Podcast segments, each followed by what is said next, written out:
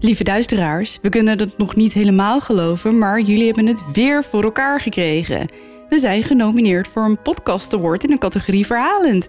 En dat was zonder jullie hulp echt nooit gelukt, dus super dank daarvoor. Echt heel erg bedankt, maar we zijn er nog niet. We gaan nu door naar de volgende fase en dat is het stemmen. En daar hebben we jullie hulp bij nodig. Alleen jullie kunnen ons naar die overwinning helpen. Ga naar podcastawards.nl en stem tussen 20 september en 11 oktober op ons. En help ons naar die allereerste award. Ja, doe het, doe het, doe Alsjeblieft. het. Alsjeblieft. Alsjeblieft. Please.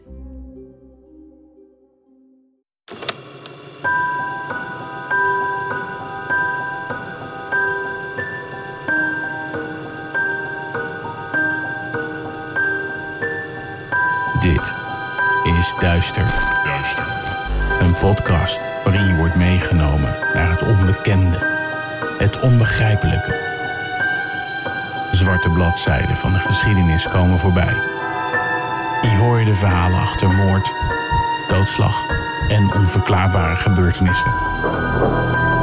We kruipen in de hoofden van een serie moordenaars, heksen, mythische wezens. Luister. En huiver. Naar duister. Hallo duisteraars. Hallo. Welkom bij weer een nieuwe aflevering. Zo, Zo. ga je goed? Ja, Je glaasje water? ja, nee, ik ben wel oké. Oh. hey, maar eh, luister. We had, jij had van de week een foto gepost. Ja, van de t-shirt die ik jullie heb gegeven en aan mezelf voor onze mijlpaal. Ja, maar iedereen vindt die heel erg leuk, blijkbaar. Ja, het is echt onze meest gelikte post tot nu toe. Ja. Ehm, d- er zijn zelfs een paar mensen die vragen of we ze eventueel verkopen.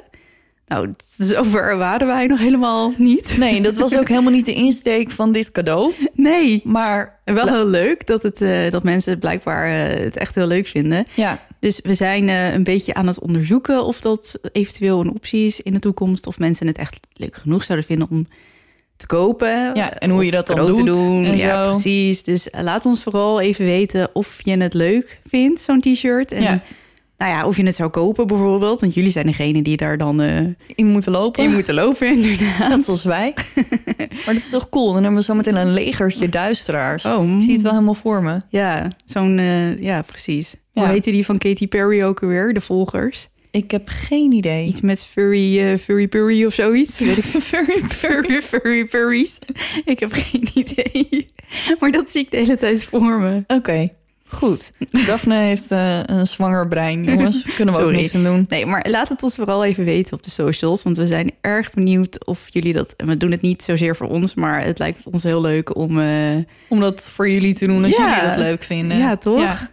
En ehm, nou, nu we het toch over de socials hebben. een prachtig vruchtje. Mooi, hè? Je kan ons natuurlijk eh, bereiken op eh, Instagram, Mhm. Duistere Podcast, op Facebook. En ik mag van het spook niet meer zeggen, je moet even zoeken op Facebook. Nee. Maar eh, facebook.com slash Duistere Podcast. Dan kan je ons ook gewoon vinden. Ja, is wel wat netter, hè? Heeft hij wel gelijk in. Daar heeft hij wel gelijk in. En dan hebben we nog YouTube, want we hebben weer een nieuwe volger. Niet. Ja, echt. Zijn er al 22 nu? Wow. Ja, Heftig. ja.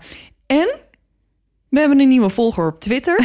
Ja, daar was ik ook heel verbaasd over. En ik vind het heel leuk dat je ons volgt daar. Alleen, ik was heel enthousiast begonnen met de socials. Ehm, en toen re- realiseerde ik me later eigenlijk dat Instagram, Twitter en Facebook misschien een beetje te veel van het goede was. en YouTube. en YouTube. Ehm, dus ik vind het heel leuk, maar je loopt waarschijnlijk zes weken achter. en ik wilde het eigenlijk een beetje een stille dood laten sterven door het gewoon niet meer te noemen. Dat is niet gelukt. Maar dat is dus niet gelukt. Dus ik vind het superleuk dat je ons bent gaan volgen.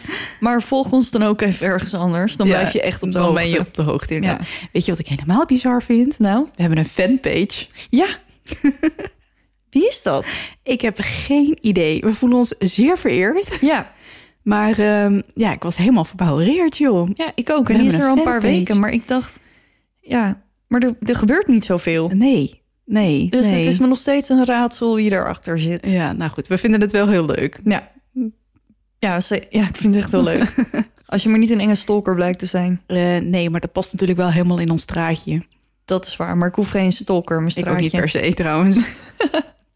Oké, we gaan beginnen. Heb jij een eh, teaser? Eh, ja, die heb ik zeker. Ja, die heb ik zeker. Pardon? Ja. Wat is dit? ja, dat hoor je zo meteen wel. nou goed, ik, eh, we- ik heb geen flauw idee. Mooi. Oké, ik eh, ga beginnen. Goed, take it away.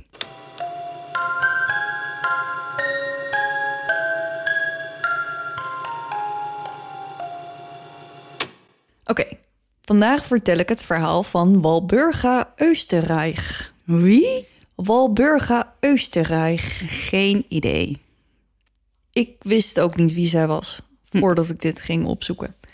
En er is ook helemaal niet zoveel bekend over haar jeugd. Wat ik wel weet is dat Walburga ergens in 1880 geboren is.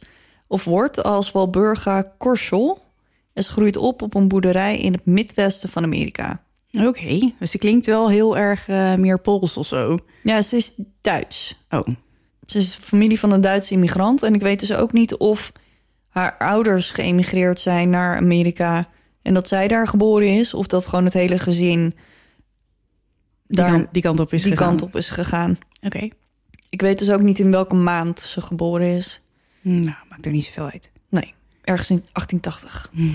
Haar bijnaam is Dolly. En zo ga Mhm. Dolly? ik er. Ja, Oh, ja. En zo ga ik er vanaf nu af aan ook gewoon noemen. Dat lijkt me beter. is iets makkelijker uit te spreken dan Ja. Walburga Of Wally. of Wally. Maar Dolly past wel bij haar. Oh, Dus oké. dat, dat Ik ben heel benieuwd hoe ze eruit ziet nu. komt later wel, eh, wel in het verhaal. Oké. Ik denk dat je dan wel begrijpt waarom Dolly wel bij haar past. Dolly. Haar familie heeft het niet breed en als ze 14 is, gaat ze in een textielfabriek werken. In deze fabriek ontmoet ze de 17-jarige Fred William Oostenrijk. Oh, Ja, ze vallen voor elkaar en als ze begin 20 is trouwen ze. En dan verhuizen ze naar Milwaukee en openen hun eigen textielfabriek waar ze schorten maken. oh. Want die werden vroeger natuurlijk heel veel gedragen. Mhm, zeker. En nu niet zo heel veel meer. Dus het waren gewoon hele fabrieken waar Schorten gemaakt. schorten werden. gemaakt eh, Oké. werden. Ja, en al snel is het bedrijf een Ik succes. kan echt honderd grapjes maken hoor nu, maar ik doe het maar niet. Nee, doe maar niet. Nee, dan raken we in de war en zo. Ja, dat moet ik precies. niet hebben. Sorry. Al snel is het bedrijf een succes en stroomt het geld binnen. Fred werkt in de fabriek en Dolly is huisvrouw.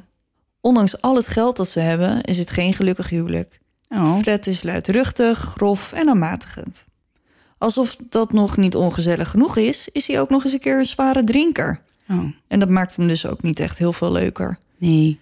Maar dat en de ruzies die daarbij kwamen kijken, kon Dolly allemaal wel verdragen. Wat Dolly niet kon verdragen, was dat Fred vreselijk slecht was in bed. Oh. Ja, want Dolly Oké. was namelijk een vrouw die heel erg dol was op seks. En helaas kon haar man haar niet bevredigen. Letterlijk en figuurlijk.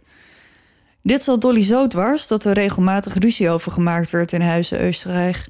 De buren konden meegenieten van deze ruzies en de politie werd er een paar keer bij geroepen. Wacht even, in 1800 hoeveel?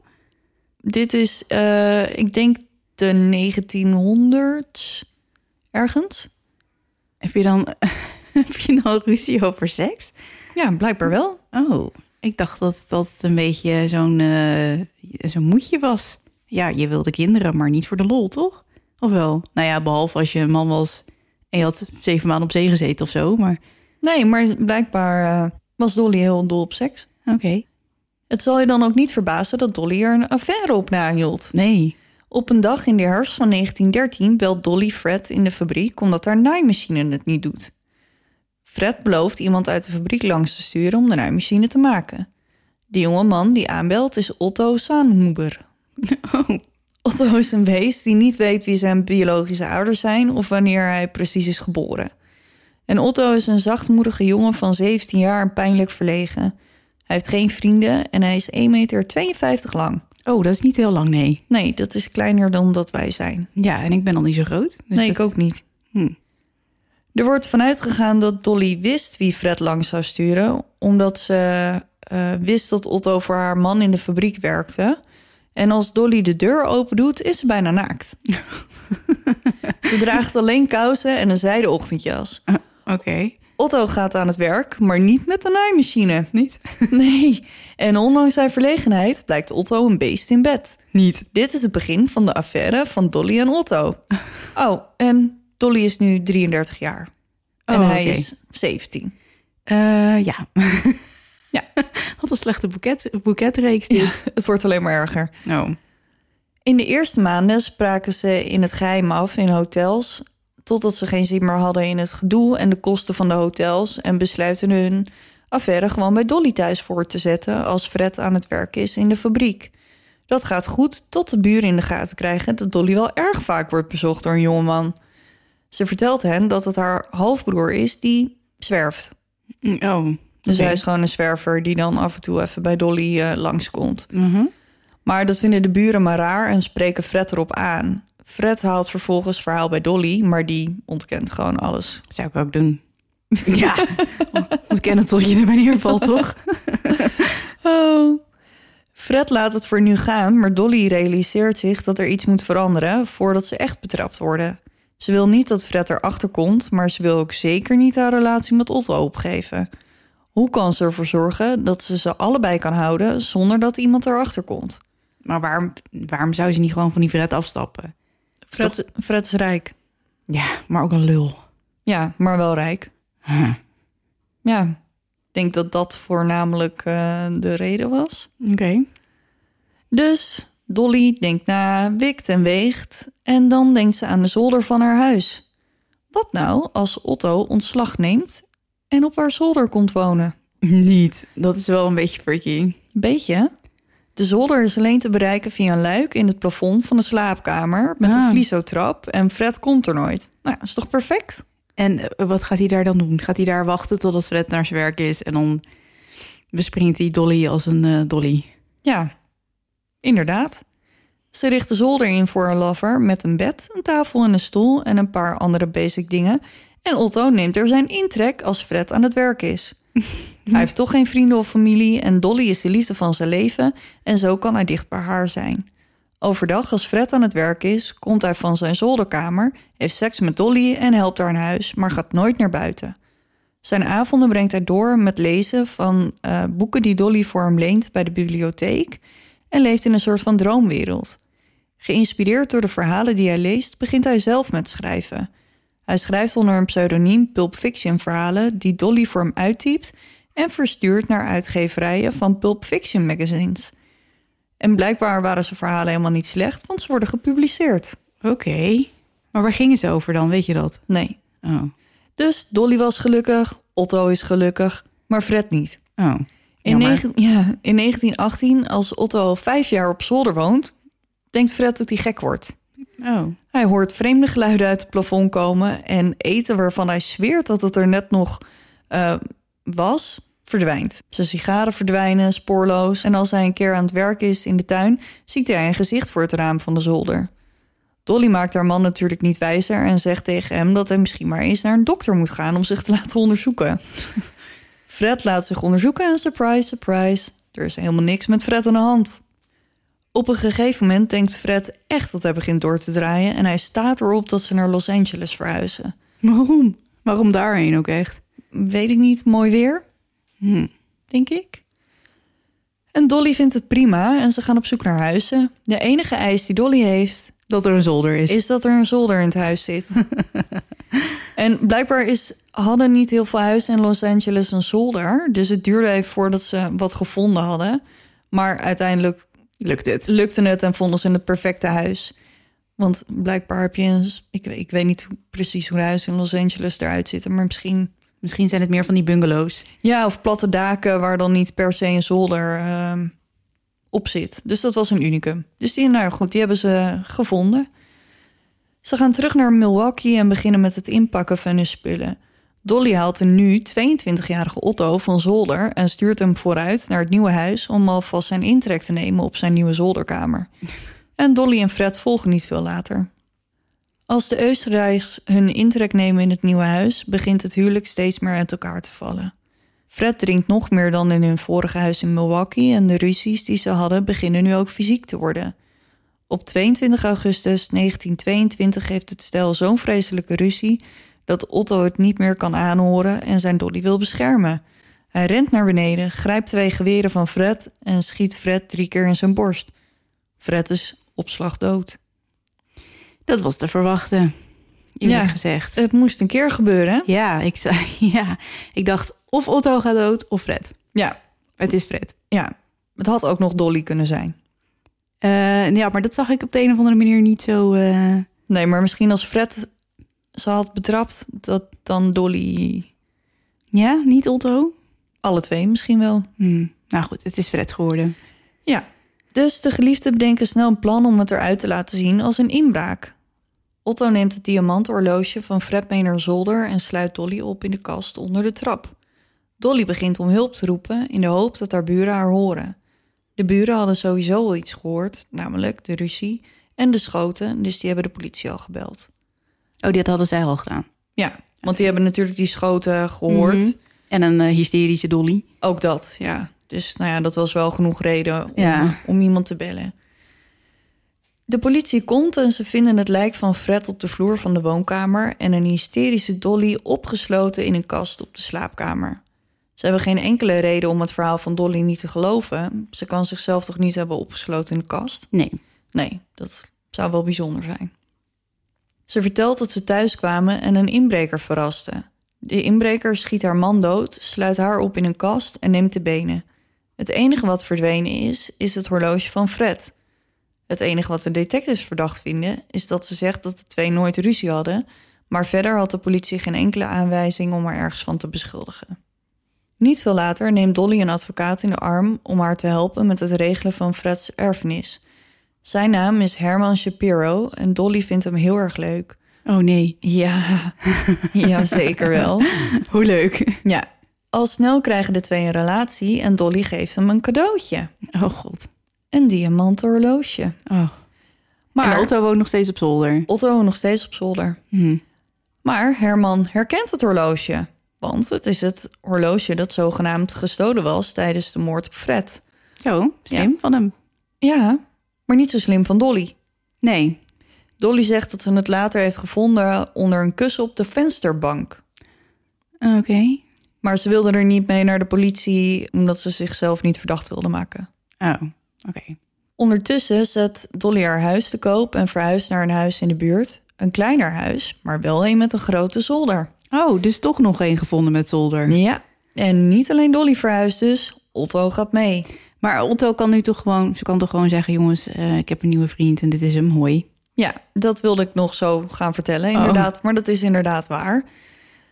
Dus Otto gaat mee en hij schrijft nu op zijn eigen typemachine... die hij heeft gekocht van het geld dat hij verdiende... met de publicaties van zijn verhalen. Nu Fred dood is, is er dus inderdaad geen enkele reden voor Otto... om op zolder te blijven wonen. Want Dolly is nu tenslotte een weduwe die gewoon een nieuwe relatie kan beginnen. Ja. Maar blijkbaar vindt Otto het na tien jaar zo prettig op zijn zolder... Tien jaar. Tien jaar zijn we inmiddels verder. dat hij gewoon lekker op zijn zolder blijft zitten. Oké. Dat is helemaal niet raar. Nee, helemaal niet. Nee. Dus Dolly heeft nu een relatie met twee mannen. Herman de advocaat en Otto die nog steeds op de zolder woont. Mm. En alsof twee nog niet genoeg is, neemt ze er nog een derde bij. Tuurlijk. Want Herman maakt lange dagen als advocaat en Otto schrijft, dus Dolly heeft tijd over. De derde man heet Roy Klamp en hij is een succesvol zakenman. Als ze hem om haar vinger heeft gewonden, vraagt ze hem om een gunst. Ze heeft namelijk een geweer voor zelfverdediging dat precies lijkt op degene waar Fred mee vermoord is. Dus of hij zo lief wil zijn om het wapen te laten verdwijnen. Ze is bang dat als de politie het vindt, ze verdacht wordt van de moord op haar man. Natuurlijk, zegt Klamp. Doe ik voor je. Wat? hij gooit Ja, het. waarom niet, Ja, toch? waarom niet? Doe Ja. je toch?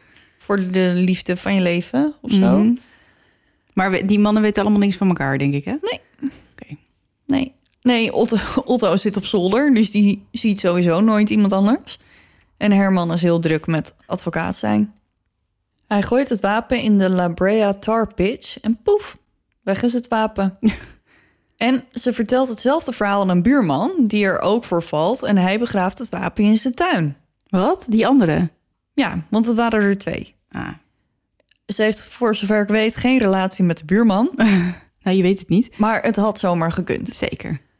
Politieman Herman Klein, dus niet Herman de advocaat, Nee, nee, nee. heeft nooit het gevoel van zich af kunnen zetten dat Dolly iets met de moord op Fred te maken heeft. Ze hebben geen enkele aanwijzing gevonden, maar hij voelt het gewoon als water. Niemand weet waar de informatie vandaan komt, maar bijna een jaar later komt het hem ter oren dat Herman, de advocaat, is gespot met het diamanten horloge van Fred om zijn pols.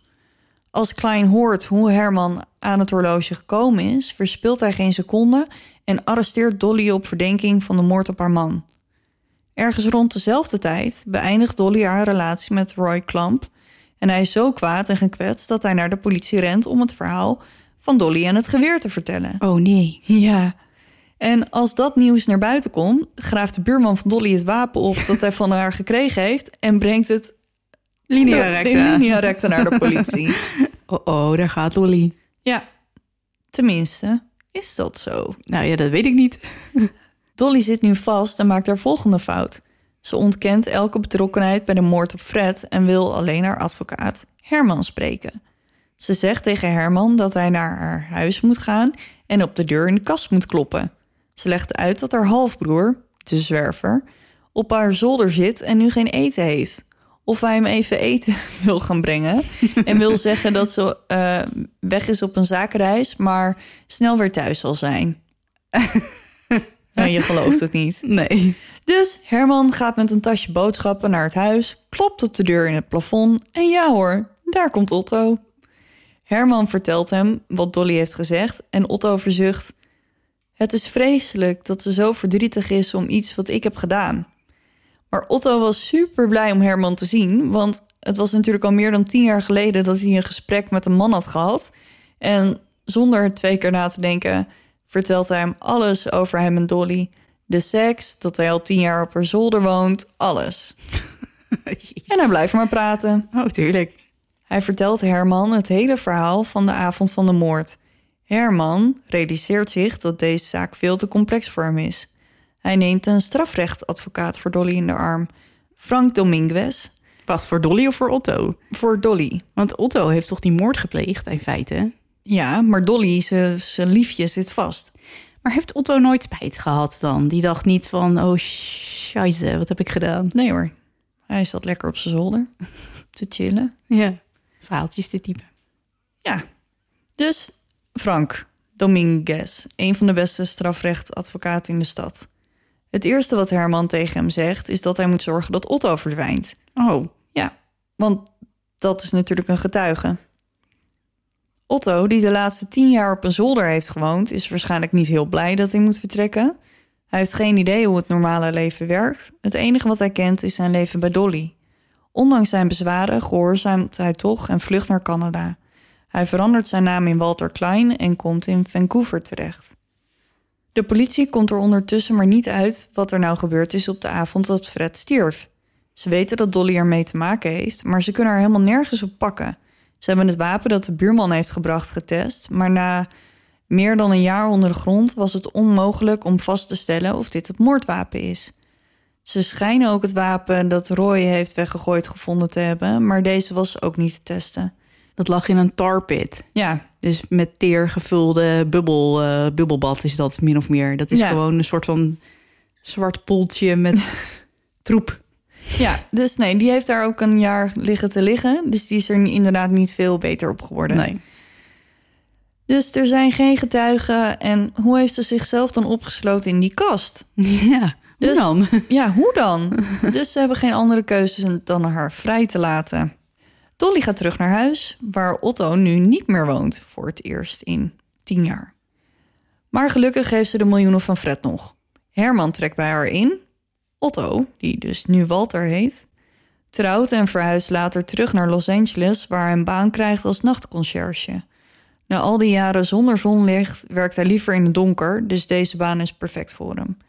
Dolly en Herman wonen samen, Otto getrouwd. De rust keert terug. Tot 1930, als Dolly en Herman met ruzie uit elkaar gaan. Er zaten al een paar barstjes in de relatie, maar als Herman erachter komt dat Dolly een affaire heeft Tuurlijk. met een manager van haar bedrijf, Ray Hendrik, barst de bom. En Herman was woedend. Hij gaat naar de openbaar aanklager en verklaart dat Dolly hem met de dood heeft bedreigd. Huh, hoezo Dolly? Nou ja, maar gewoon- hoezo? Otto pikte die toch ook, soort van? Behalve dat hij moest verdwijnen, maar... Ja, maar hij is er nu helemaal klaar mee. Oké. En hij wil ook graag een beëdigde verklaring afleggen over de dood van Fred Oostenrijk. Hij vertelt alles wat hij weet over Dolly, Fred en Otto. Beetje laat, hè? Ja, beetje, zou je kunnen zeggen. Otto wordt moord ten laste gelegd en Dolly samenswering om een moord te plegen. En nu Dolly toch vastzit, heeft de politie nog wel meer vragen aan haar. In 1927 brandde de schortenfabriek van Fred in Milwaukee af. Onderzoekers stelden vast dat het een aangestoken brand was en ze verdacht Dolly hiervan, aangezien zij het geld van de verzekering zou krijgen. Herman is zo pissig dat hij een rechtszaak aanspant tegen Dolly. Ze hadden blijkbaar een overeenkomst dat zij hem de verzekeringsclaims van de verbrande fabriek zou geven, maar deze afspraak kwam ze nooit na. De vrouw van Hendrik, een van haar lovers, dient ook een aanklacht in wegens vervreemding van genegenheid. en ik moest dus even opzoeken wat dit betekent. Nou, ik kan me er wel iets bij voorstellen, denk ik. Ehm, als echtgenoot of echtgenote dien je dus een aanklacht in tegen de partij die ervoor gezorgd heeft dat je huwelijk op de klip is gelopen. Dus eigenlijk tegen de minnaar van je man of vrouw. Ja, en in dit geval dus Dolly, want die had een affaire met Hendrik. Mhm. Je kan dus een getrouwde man of vrouw een aanklacht eh, indienen tegen de minnaar of minnares van de wederhelft. ja precies. Ja, snapt iedereen het nog? Ja, ik wel. Oké, dan is het goed. Terug naar Dolly en Otto. Dolly ontkent alles, maar Alweer. Otto niet. Otto begint te praten en vertelt hetzelfde verhaal als dat hij al die jaren geleden aan Herman heeft verteld over de moord op Fred. Otto's rechtszaak is als eerst. Zijn advocaat overtuigt Otto ervan om zijn bekentenis in te trekken. Nu is het zijn woord tegen dat van Herman, want ander bewijs is er niet. De advocaat van Otto schildert Herman af als een jaloerse ex-vriend die het verhaal verzonnen heeft om Dolly dwars te zitten. Otto wordt schuldig bevonden aan doodslag. Nu zit de rechtbank alleen met een probleem. Het zit namelijk zo. De moord op Fred is nu acht jaar geleden en de verjaringstermijn van doodslag is drie jaar. Oh, dat is best snel. Ja, dus hij is dan wel veroordeeld, maar door de verjaringstermijn hebben ze geen andere keus dan hem te laten gaan. Ja. En na zijn vrijlating verdwijnt Otto en niemand weet wat er van hem geworden is. Oh, Hij werkt waarschijnlijk nog steeds ergens als een nachtuil. hij is toch getrouwd? Hij zal wel ergens een gezin eh, gesticht hebben Ja. of zo. Wie weet.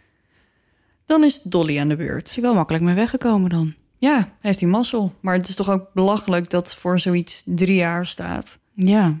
Nou, dat het na drie jaar verjaart al. Ja, dat bedoel ik. En Dit is hier wel veel langer, toch? Ja, ik denk dat het inmiddels overal wel langer is. Ja. Oké, Dolly dus. Die is nu aan de beurt. De verdediging tijdens haar proces was eenvoudig. Volgens haar beroemde advocaat Jerry Geisler was er maar één iemand verantwoordelijk voor de dood van Fred. En dat was Otto.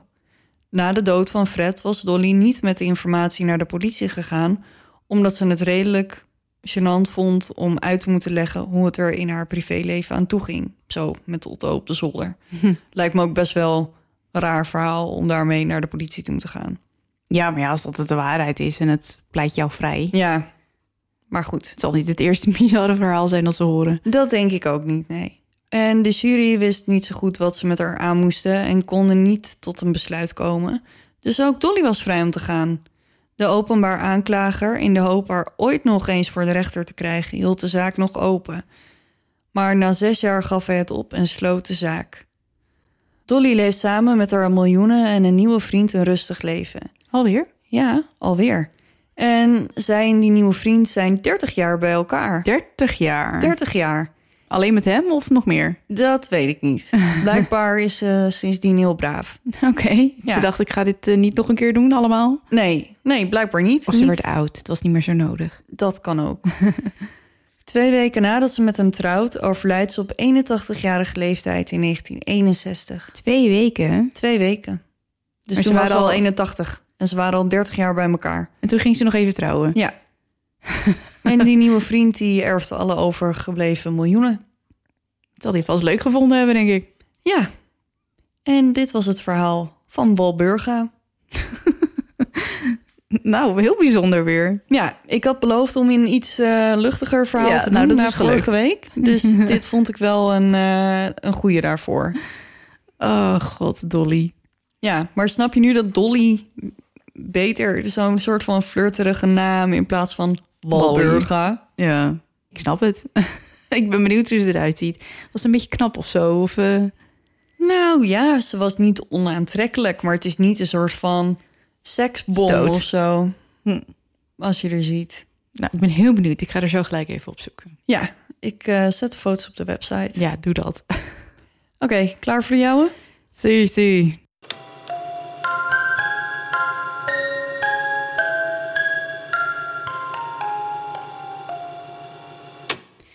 Goed, ik ga beginnen. Eh, we krijgen behoorlijk veel ervaringen doorgestuurd van eh, luisteraars. Of duisteraars, sorry daarvoor. Luisteraars, duisteraars. Dat is best fijn natuurlijk, want zo kom ik weer op andere ideeën. Ehm, we krijgen ook veel verzoekjes. De twee meest gevraagde aan mij in ieder geval zijn de Titanic. Ja. En Dat geloof me, die ga ik echt zeker weten een keer behandelen. Want de Titanic is echt mijn lievelingsschip. Ja. En die ander, die we vaak, of tenminste, die ik vaak te horen krijg, is de doppelganger. Oh echt, mijn vader had het er vandaag nog over. Maar dat bedoel ik. Ja. Dus dat ga ik vandaag doen. Nou, wat leuk. Nou hè? Ik heb eerst even uitgezocht hoe het nou precies zit met zo'n dubbelganger. Want ik ga niet de hele tijd doppelganger zeggen. want Nee, dat, is is echt zo'n net als tongbreker. Walburga. Ja, precies. Eh, goede informatie is een beetje lastig te vinden, want het is een beetje een ingewikkeld fenomeen.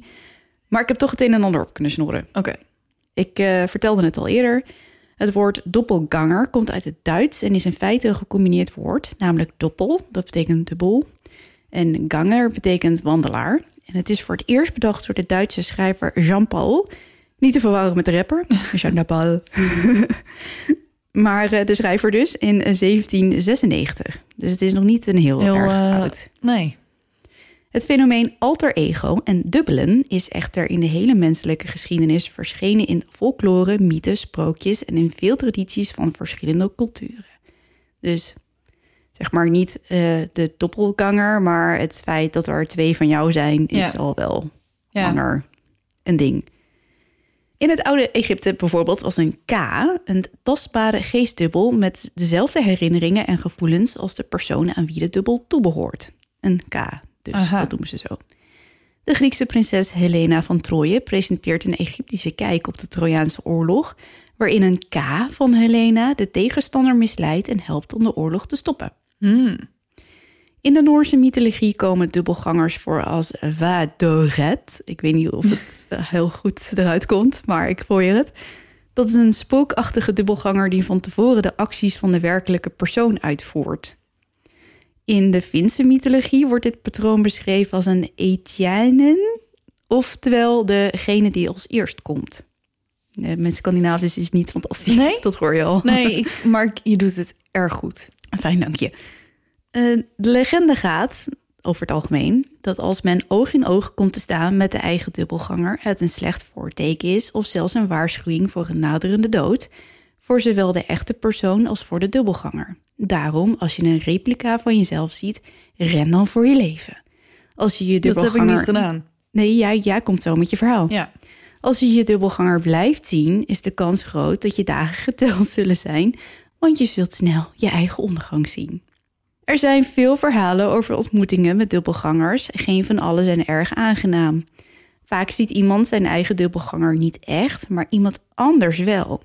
Kun je op twee plaatsen tegelijk zijn? Nee. Maar het is een vreemde gewaarwording als iemand die jou goed kent blijft volhouden dat ze je net 30 minuten geleden hebben gezien terwijl jij niet eens in de buurt was.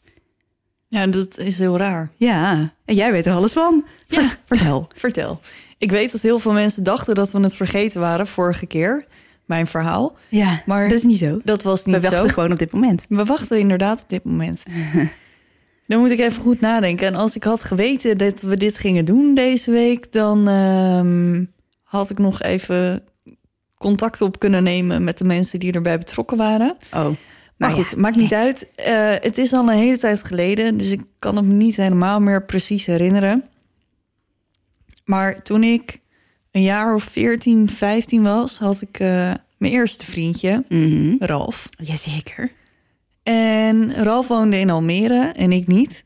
En mijn nichtje woonde ook in Almere en zij woonden vlak bij elkaar in de buurt. Dus ik sprak dan vaak met mijn nichtje af en dan ging ik naar Ralf toe. En dan spraken we vaak af in een speeltuintje. En op een Lekker hangjeugd. Hangjeugd, ja. ja, echt gewoon, dat doe je toch op die leeftijd. Zeker, zeker. En op een gegeven moment ben ik bij mijn nichtje thuis. En we waren nog niet klaar om te gaan. En we waren ook niet te laat of zo. En op een gegeven moment gaat mijn telefoon. Ralf, hey, ben jij nou hier? zo, nee, ik ben gewoon nog bij Naomi thuis. Ja, maar je bent toch hier? Ik zeg, nee, ik ben niet hier. Ja, er staat hier dus een meisje. En ik zweer dat jij het bent. Maar voor zijn neus echt. Voor zijn neus echt. En die zei, hoi, ik ken jou niet, of wel? Of zei ze niks? Nee, maar hij vond het blijkbaar zo raar dat ik daar was. Maar ik zei natuurlijk niks. Want Dat- ik was degene daar die- niet. Nee, ja, Ja. precies.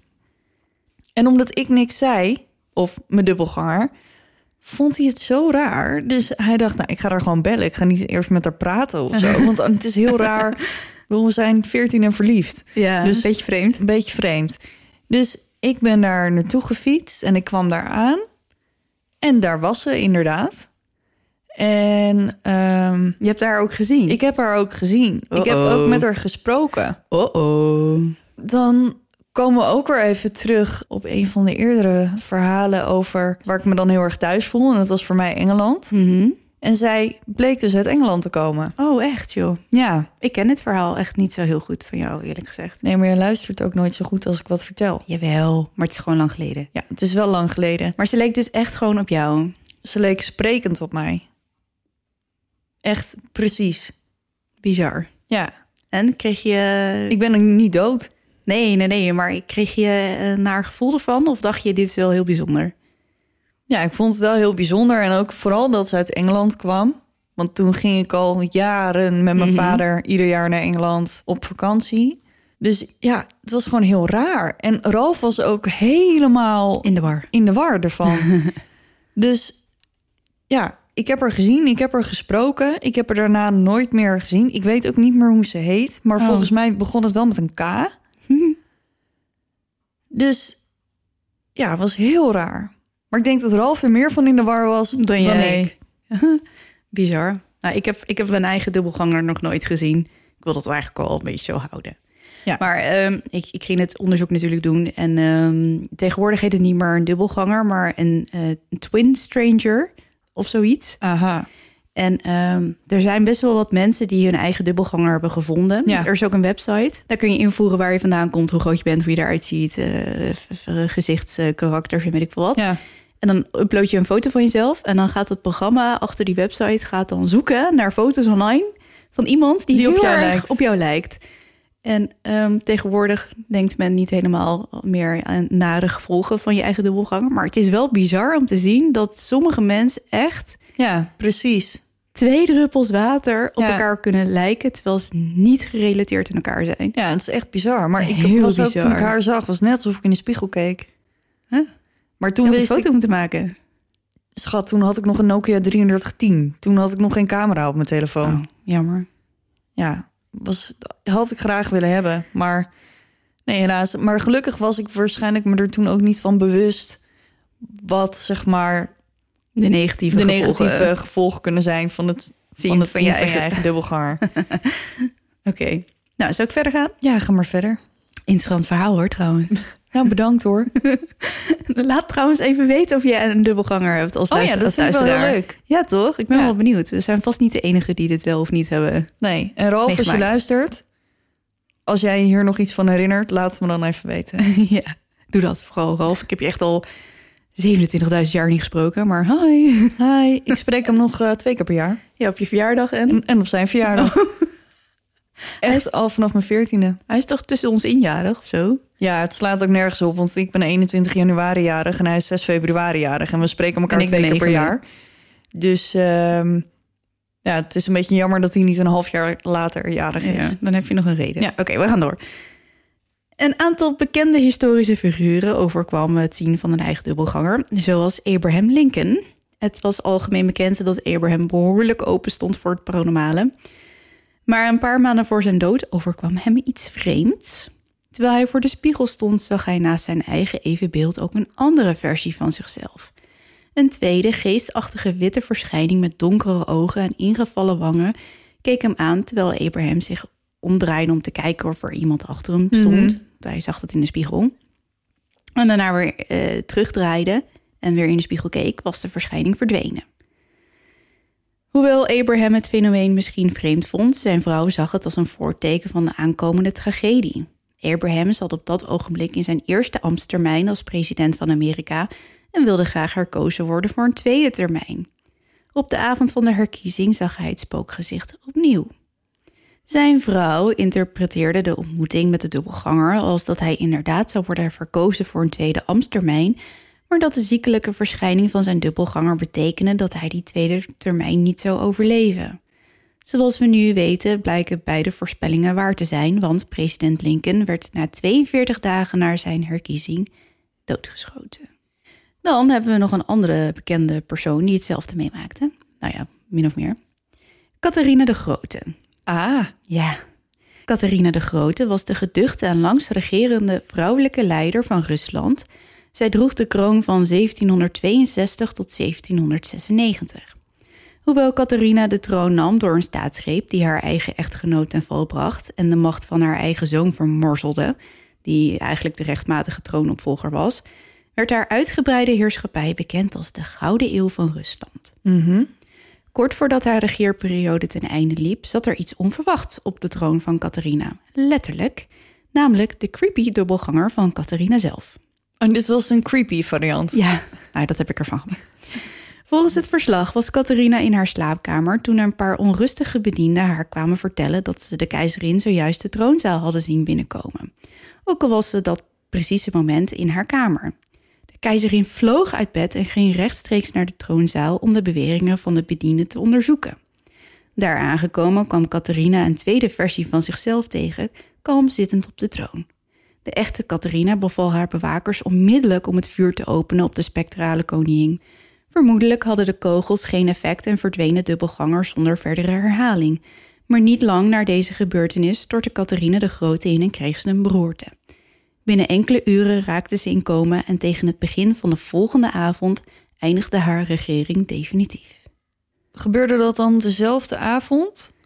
Nee, ze zag de, de, haar dubbelganger Ja. en een paar uur daarna kreeg ze een beroerte. Oh ja, de En volgende de dag. nacht, de nacht, zeg maar, en de dag die erop Ja. volgde, leefde ze nog. En de avond daarna ging ze, stierf ze. Oké. Ik weet niet precies of het door die beroerte kwam of dat er nog meer achteraan kwam. Maar in ieder geval haalde ze de nacht niet. zeg maar. Nee, duidelijk.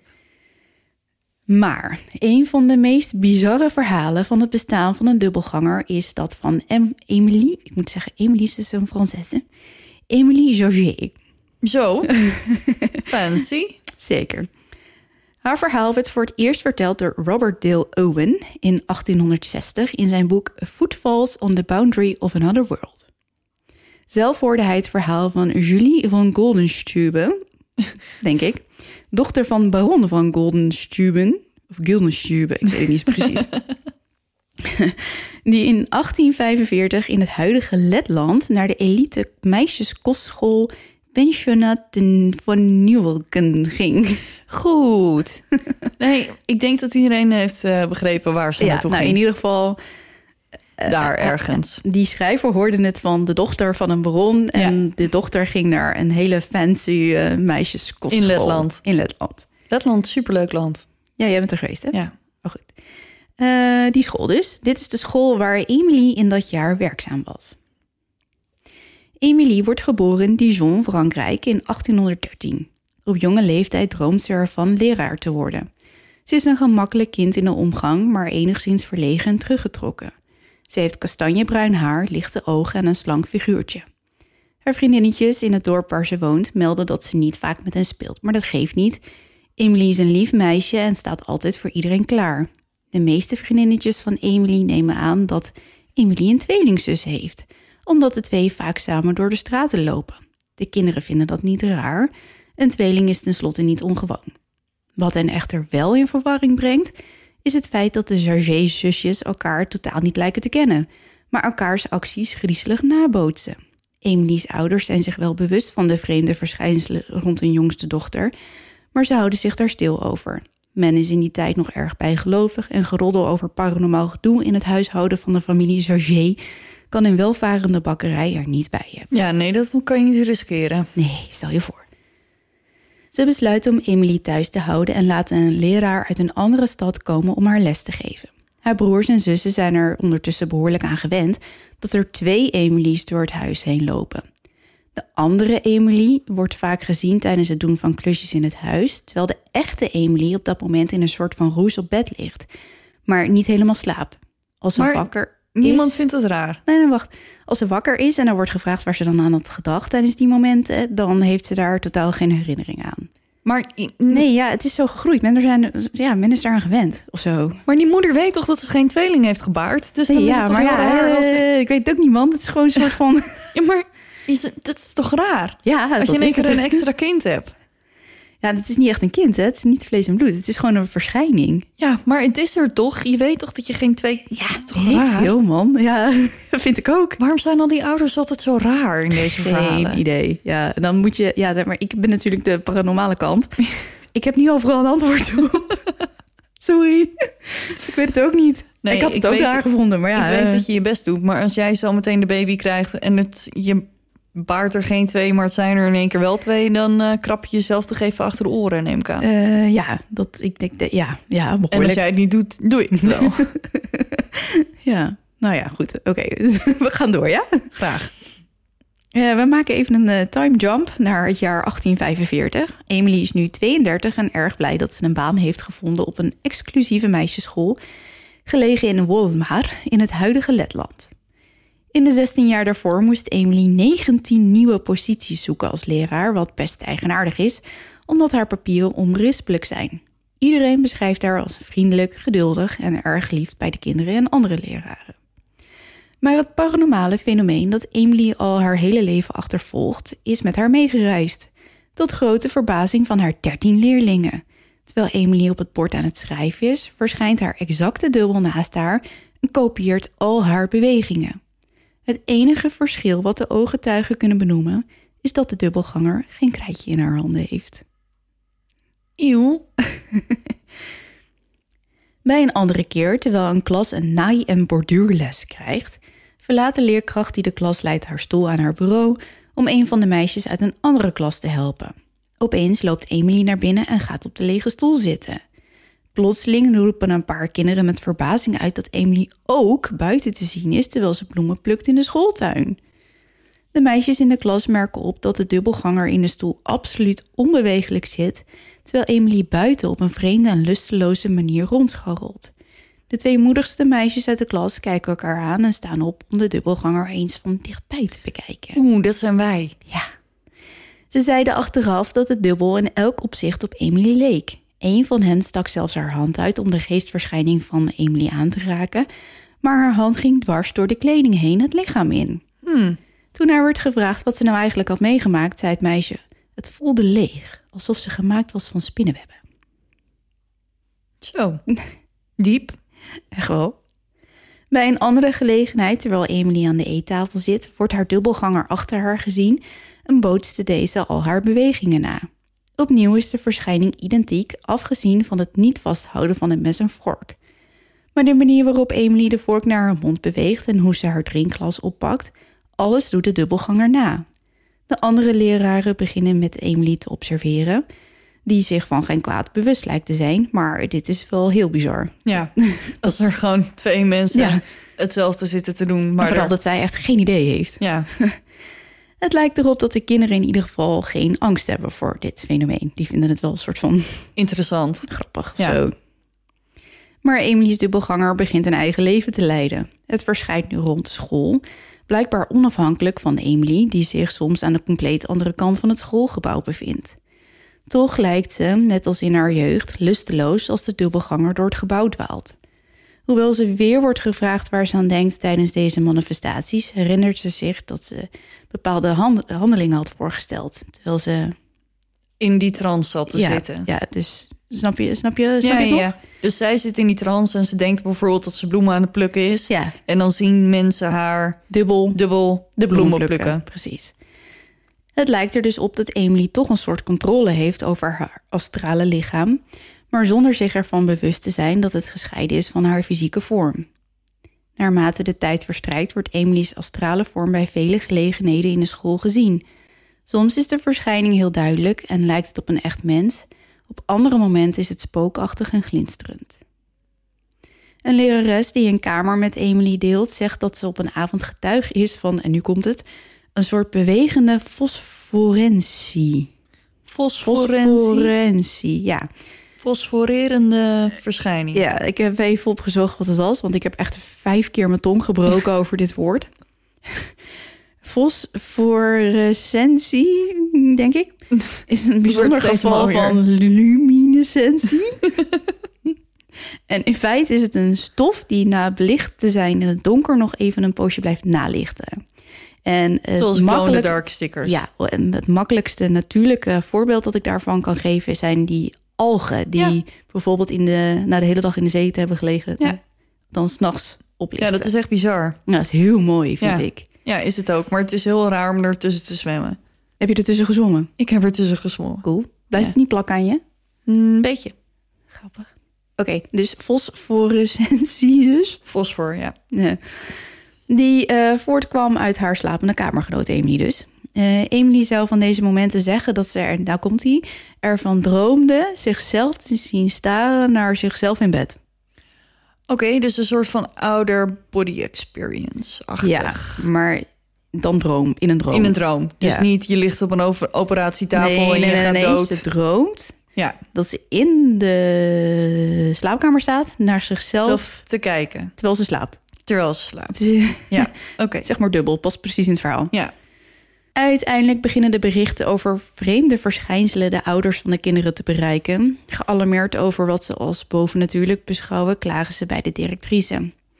Hoewel Emily's voorbeeldige karakter na foutloos onderwijs geen onmiddellijke actie vereisen, beginnen de ouders hun kinderen van school te halen. Uit angst voor een ondergang voelt de directrice aan dat ze geen andere keuze heeft dan Emily's positie te beëindigen. nou, dat vind ik sneu. Ja. Emily pakt haar spullen opnieuw om een postkoets in noordelijke richting te stappen en verlaat de neergeslagen de stad Wolmar. Dit is het laatste wat vernomen is van Emily Sergé. Het is wel interessant om op te merken dat Emily haar du- eigen dubbelganger dus nooit heeft gezien zelf. Ja, maar huh? hoe is het? eh, bleh, bleh. Eh, ik wil zoveel zeggen, maar het komt allemaal tegelijk uit mijn mond. Ehm, maar wa- wat is, er met, wat is er gebeurd met haar? Ja, dat weet ik niet. Waar komt die, die- waar komt die dubbelganger vandaan? Geen idee. Hoezo is het daar? Ja, ik weet het niet. Ik weet het echt niet. Er wordt ook geen verklaring. Er is een foto. Ik heb geen idee of eh, die foto eh, echt van Emily is. Sterker nog, ik heb dit hele verhaal eh, opgeschreven, onderzoek gedaan. En eh, ik vond allemaal nog weer kleine details overal op andere websites. En op een gegeven moment open ik een website. En heel verhaal en eronder staat... Het is onwaarschijnlijk dat Emily echt bestaan heeft. Nou, dat ben je niet. Ja. Hou op hoor. Maar de- we weten het niet. Er is een foto van twee meisjes die erg op elkaar lijken. En heel internet zegt dat het Emily is. Maar weet je wat? Ik eh, upload hem en dan moet je het zelf beslissen. Ja. Ja, nou laten we dat maar doen. Ik ben wel benieuwd nu. Ja, dat snap ik. Maar ja, Emily dus en haar dubbelganger. Ja. Hmm. Ja, ik weet het niet hoor. Ik weet het ook niet. Ik weet wel. Ik denk dat het, het, het fenomeen dubbelganger echt bestaat. denk ik ook. Eh, misschien dat er een meisje is geweest in eh, de 17e eeuw, dus dus rond 1800, die misschien wel een paar keer een geestverschijning om zich heen heeft gehad. Dat het hele verhaal hierop Ja. gebaseerd is. Dat zou kunnen. Ik weet het niet. Nee, ik ook niet.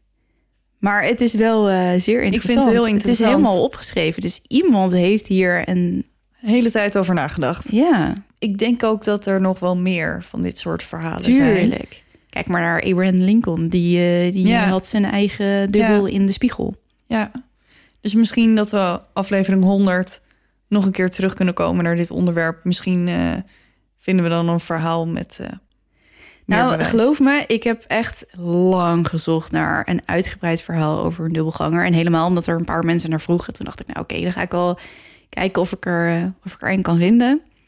En ehm, de meeste zijn allemaal, ja, ik had mijn dubbelganger en dit gebeurde dit en toen en zus en zo. En Ja. daarna was het klaar. Nu wel- Maar ja. een uitgebreid verhaal over meerdere, een, een periode van langere tijd, zeg Mhm. maar. Dat is lastig. Ja. Dus als jij een verhaal, je, je zit thuis en je denkt, ja, maar wacht even. Ik heb er één. Wacht even. Ik heb het verhaal. Echt, stuur me door. Ik ben heel benieuwd. Ja. Ik voel ook even de behoefte om ons invulformulier weer even een keertje te promoten. Oh, Want wij hebben natuurlijk op de website duisterdepodcast.nl zeker. een invulformulier. Nou, En ik heb het idee dat ik het de laatste afleveringen vergeten ben om te noemen. Maar als je nou geen Instagram of Facebook hebt of YouTube. of Twitter. Nee, niet Twitter. Oh, Ehm, dan kan je dus gewoon via de website ook je verhaal naar ons sturen. zes. Yes, zes. Zes? Zes. Zes, Ik wilde, ik wilde C en yes zeggen. Nee, dat, is- dat is dus- niet gelukt. Nee, dus dat kan ook gewoon op de website. En als je daar dan toch bent om je verhaal in te sturen, dan kan je daar ook alle foto's en links Ja, zien. Er staat gewoon een linkje met klik hier voor de foto's en eh, de links van ons research. Daar kan je Yes. gewoon op klikken. Dus als je je verhaal aan ons wil vertellen, dan kan het dus ook via ons invulformulier. Ja, doe dat vooral. Nou, dat was het denk ik wel. Ja, het een verhaal iets van luchtiger, Emily, eh, eh, Georget en eh Ja, Dolly. iets luchtiger verhaal, verhalen, Ja. dubbel, dubbel fout, Ja. Ehm, dan vorige week. Ja. Ik denk dat we daar misschien ook wel een beetje allemaal aan toe waren. Ja, want is vorige iets week was wel luchtigers. zo vreselijk deprimerend. Met al die enge sound effects en zo. Hè? Ja. Ja. Dat was wat weken geleden. Dat is al maar, twee weken geleden. I know, I know. Maar toch. Ja, God, wat een oude gehoor. Ge- oude, oude gehoor. Nou, Oude kom, we gehoor. gaan afsluiten. Ja, het is Bedankt mooi voor het geweest. luisteren. Tot, Tot de volgende volgende keer. En onthoud, Blijf in het licht, want je Je weet weet nooit wat er in het duister op je wacht.